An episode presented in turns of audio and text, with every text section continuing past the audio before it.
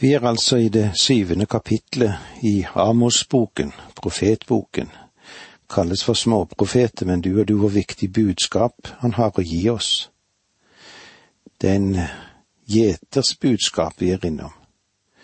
Og det viser seg òg at den første slåtten, eller H-en som vi var innom sist, er et av de uttrykk som først ble høstet inn.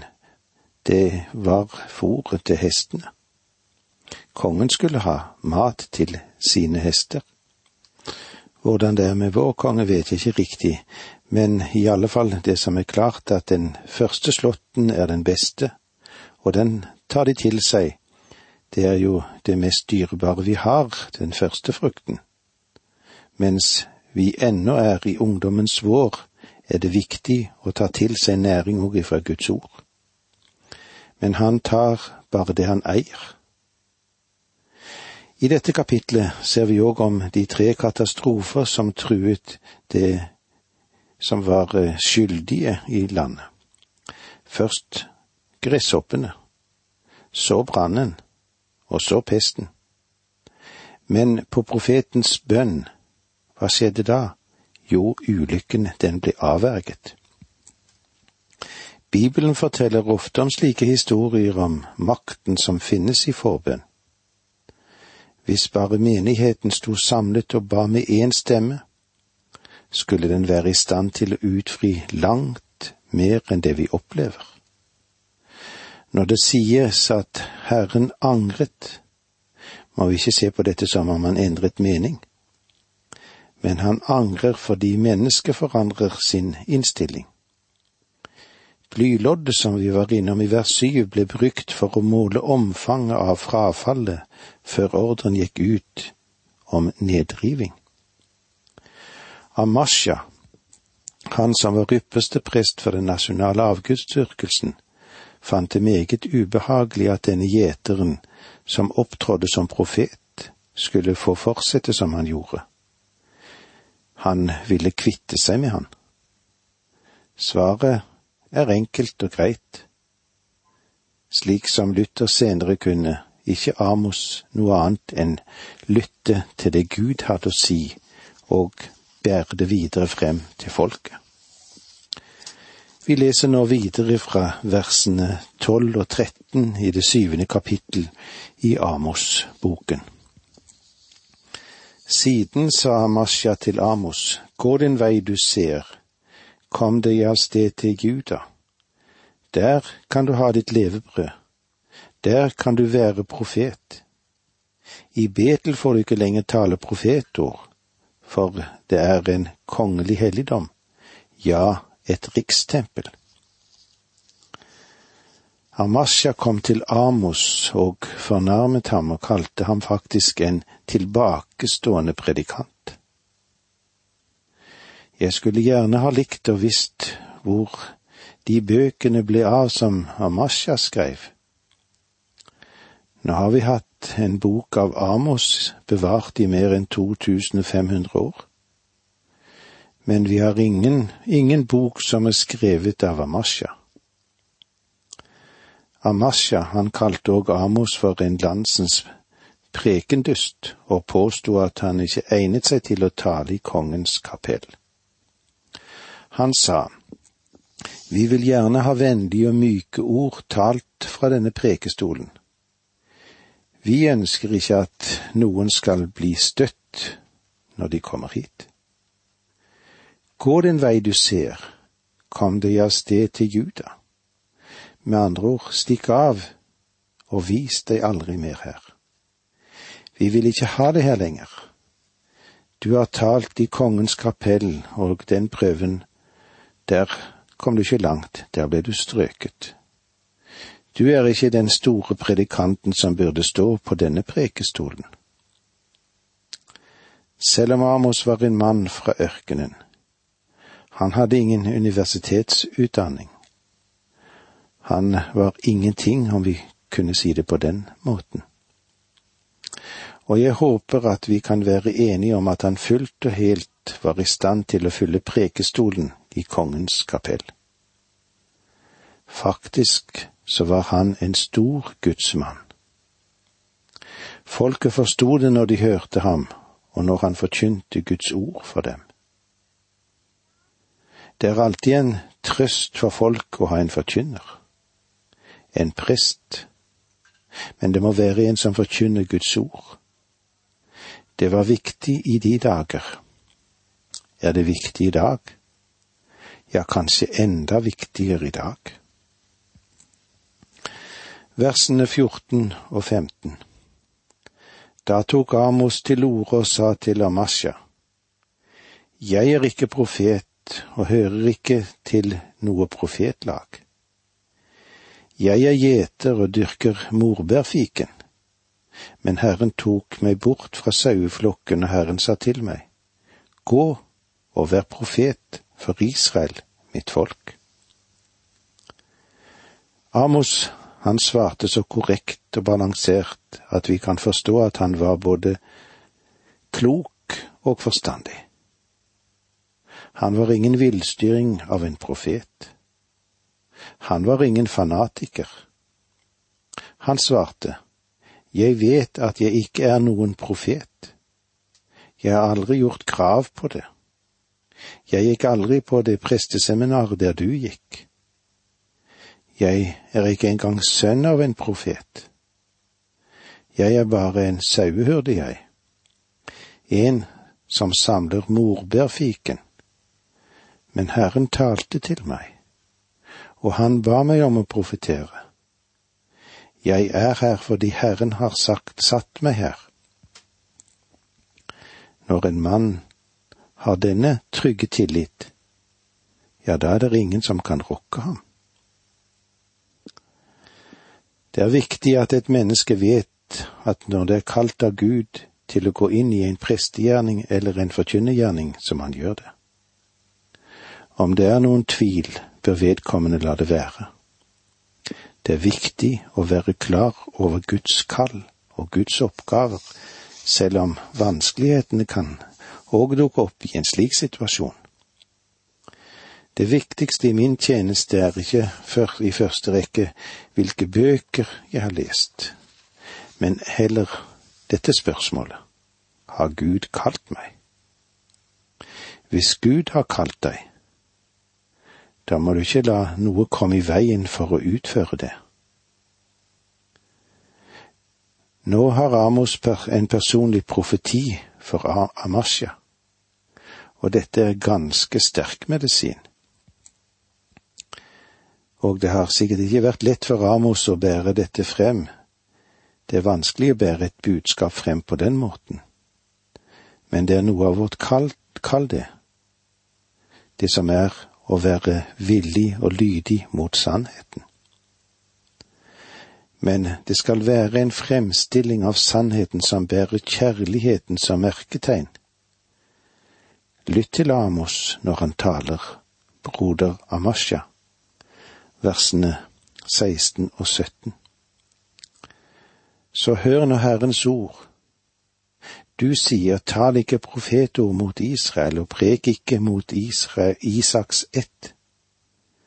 Derfor sier Herren, din kone skal drive utukt i byen.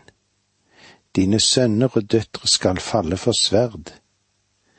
Din jord skal måles ut til andre. Selv skal du dø på uren grunn, og Israel skal føres bort som fanger fra sitt land. Derfor, sier Herren. Derfor. Amos sier at han har et ord fra Gud til denne Amasja. Dette er en rystende profeti, men den er vesentlig, og den var en sann profeti. Da asyrerne kom, tvang de seg til utukt med kvinnene. Sønnene og døtrene, de ble ødelagt, og de som ikke ble knekket, de ble tatt til fange og den gamle presten for gullkalven Amasja ble tatt med som fange til Asyria. Og jeg er helt sikker på at uh, vi, kan forestille oss at Amasjas ord på sitt dødsleie ville ha vært det samme som fra kardinal Wolsey, som sa at han ønsket at han hadde tjent Gud like intenst som han hadde, tjent sin konge. Det er noe som vi bør tenke gjennom alle sammen. Takk for nå, må Gud være med deg. Dette undervisningsprogrammet består av to deler. Åge Nevland fortsetter nå med andre del av dagens undervisning. Vi er i profeten Amos. Vi er i det syvende kapitlet. Og vi er nå til stede når profeten Amos skal meddele et budskap til han som var ypperste prest i sin menighet Amasja. Det er ikke enkelt å gå med et budskap. Han eh, Amasja var jo ypperste prest for den nasjonale avgudsdyrkelsen, og han fant det veldig ubehagelig at en liten gjetergutt, hvis vi kan si det på den måten, opptrådde som profet, og eh, skulle få lov til å fortsette som han gjorde. Og så leser vi i versene 16 og 17 i det syvende kapittel hos Amos. Så hør nå Herrens ord, du sier, tal ikke profetord mot Israel, og prek ikke mot Isaks ett. Derfor sier Herren, din kone skal drive utukt i byen, dine sønner og døtre skal falle for sverd, din jord skal ikke måles ut til andre. Selv skal du dø på uren grunn, og Israel skal føres bort som fanger fra sitt land. Om en prest eller forkynner mislykkes i det å forkynne Guds ord, så er det ikke til noen gang at vi peker fingre mot politikerne, og at vi anklager de for å svikte landet og sette folk i fare. Ja, det gjelder ikke bare forkynnerne dette, men det gjelder oss alle. I forkynnertjenesten, om du ikke formidler Guds ord, da finnes det ingen forrædere i landet som er mer skyldig enn vi som skal være med og forkynne Guds ord, vi som skal bære dette frem, og det gjelder både deg og meg, dette. Svikter vi, ja, da er vi inne i en alvorlig situasjon. Er du kalt til å være en tjener, så er du kalt til å være en tjener òg for Guds ord, dersom du har tatt imot Jesu kall. Og formindrer du ikke dette ordet, så er du en forræder mot Kristi sak.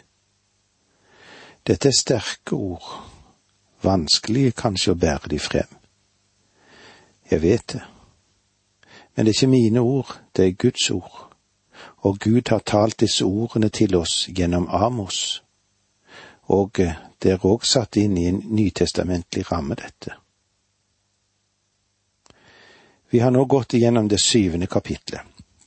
Vi går inn i det åttende kapitlet, og her vil vi se synet med kurven med frukt. Vi kommer altså til det fjerde synet, og fyller hele kapittel åtte i denne sterke profetboken. Det er viktig at vi klarer å gripe tak i meningen med dette synet som nå kommer til oss, for det vil hjelpe oss til å tolke de ord som kommer senere. Spesielt vil det klargjøre noen av de tingene som Jesus sa. Vi leser i det første verset her i kapittel åtte. Dette syn lot Herren Gud meg se en kurv med moden frukt. Mye kan sies om en kurv som har moden frukt i seg. Det er eh, et vakkert syn, og eh, det minner oss og forteller oss om de beste delikatesser som vi kan få. Men eh, denne kurven med moden frukt, den har flere budskap å bringe oss. Først av alt så forteller den en kurv med moden frukt. Ja, hva forteller den oss? Jo, at det er jo kommet en høst. Den forteller oss at treet ikke lenger produserer frukt. Når frukten er ferdig, om den ikke plukkes i tide, ja, hva skjer da? Jo, den faller ned. Det er ingen vits i å gå ut og se etter frukt på et frukttre midt på vinteren. Grenene er bare. Der finnes ingen frukt. Høsten, den er forbi. Og det kommer ingen ny frukt før neste år. Så vi ser at selv om en kurv med moden frukt taler om noe godt og velsmakende, så taler den også om det er slutt på høsten. En kurv med moden frukt taler også om at ting hurtig kan ødelegges og bli brutt ned. Hvis denne kurven med moden frukt ble stående en stund uten at frukten blir tatt hånd om eller spist, så vil den snart råtne. Og hva skjer da? Da blir den illeluktende, og den blir ubrukelig. Det er et mektig budskap vi har med en kurv som er full av moden frukt. Gud gir oss en dramatisk og billig fremstilling her. Vers to i kapittel åtte.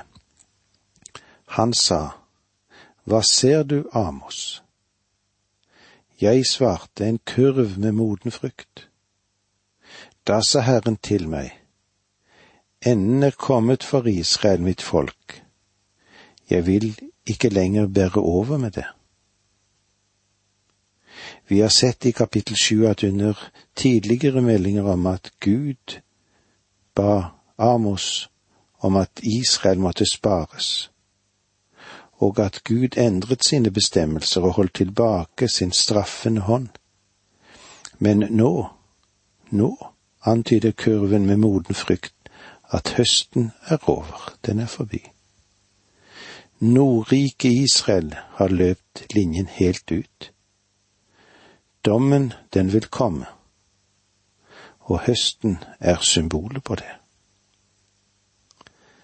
Siden høsten taler om dom og faller sammen med slutten av tidsalderne, så tror jeg at noe av det Herren sa kan misforstås om en ikke forstår hva som menes med høsten.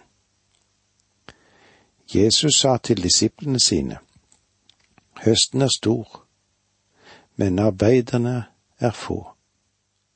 Be derfor høstens herre sende ut arbeidere for å høste inn grøden hans. Dette står i Matteus 9. Herren talte om slutten av denne epoken da lovens tidsalder var i ferd med å komme til en slutt. Kristus var nå på vei til korset. Han sa at han trengte høstfolk som kunne gå til israelsfolket. Etter døden på korset har vi et annet bilde som stiger frem. For eh, denne nådetiden gir han oss også en lignelse om såmann. En såmann gikk ut for å så sin sæd. Ja, hva var det Jesus sa? Gå ut i hele verden og forkynn evangeliet. Det er budskapet for vår tid. Gå ut i hele verden og så ut såkornet. Dette er tiden for å så Guds ord. Min oppgave og din oppgave er å få såkornet i jorden. Det er Herrens oppgave å følge såkornene som forvandlende makt. Vi tror at Guds ånd vil ta Guds ord, ta seg av dette. Og når Guds ord blir ført i jorden, så kan det skape Guds barn. Vi, både du og jeg, vi er bare formidlere av såkornet. Vi er ikke de som er høstere. Høsten, den taler om dom, den, og den taler om slutten av en epoke. Vårt ansvar, det er å så. Og jeg skulle ønsket at jeg kunne få formidlet dette budskapet til mennesker så de kunne erkjenne dette. Jeg skulle ønske at jeg kunne motivere alle kristne til å gjøre det som Gud har talt og kalt oss til å gjøre. Vår oppgave, det er å så ut Guds ord, som såkornet blir sådd. Amos 8,3 Slottets sangerinne skal jamre den dagen, lyder ordet fra Herren Gud. Alle steder ligger lik i mengder. De er slengt til side, hysj. Det stedet der man priser Gud, vil bli forvandlet til en klagesal, et klagested. Det stedet der vi fryder oss for Guds åsyn, vil bli forvandlet til et gråtent sted. Døde kropper vil vi se overalt. Dette er en fryktelig profeti, men eh, det er Gud som sier det.